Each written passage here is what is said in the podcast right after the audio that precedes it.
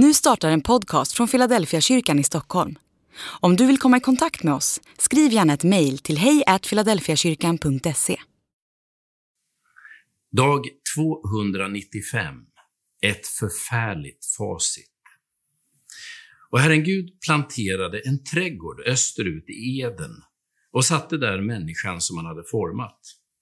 Herren Gud lät alla slags träd växa upp ur marken, sådana som var ljuvliga att se på och goda att äta av. Mitt i trädgården stod livets träd och trädet som ger kunskap om gott och ont. Första Mosebok kapitel 2, vers 8 och vers 9.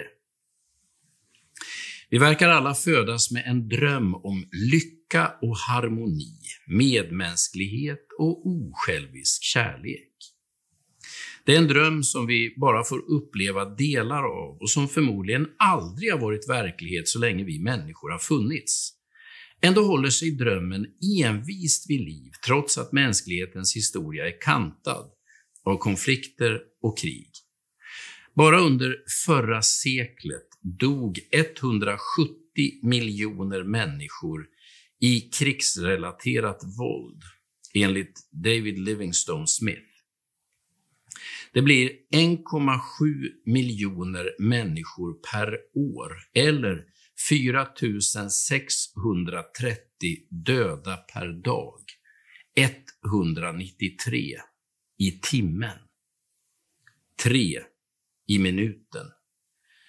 Det är ett blodigt facit för det vi kallar vår civilisation.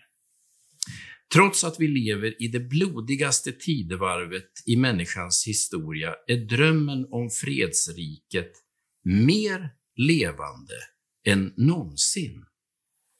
Varför skulle, vi annars, varför skulle annars vi människor drömma om en värld vi aldrig har sett eller upplevt? Jag tycker att vår dröm om fred på jorden är ett av de starkaste gudsbevisen som finns.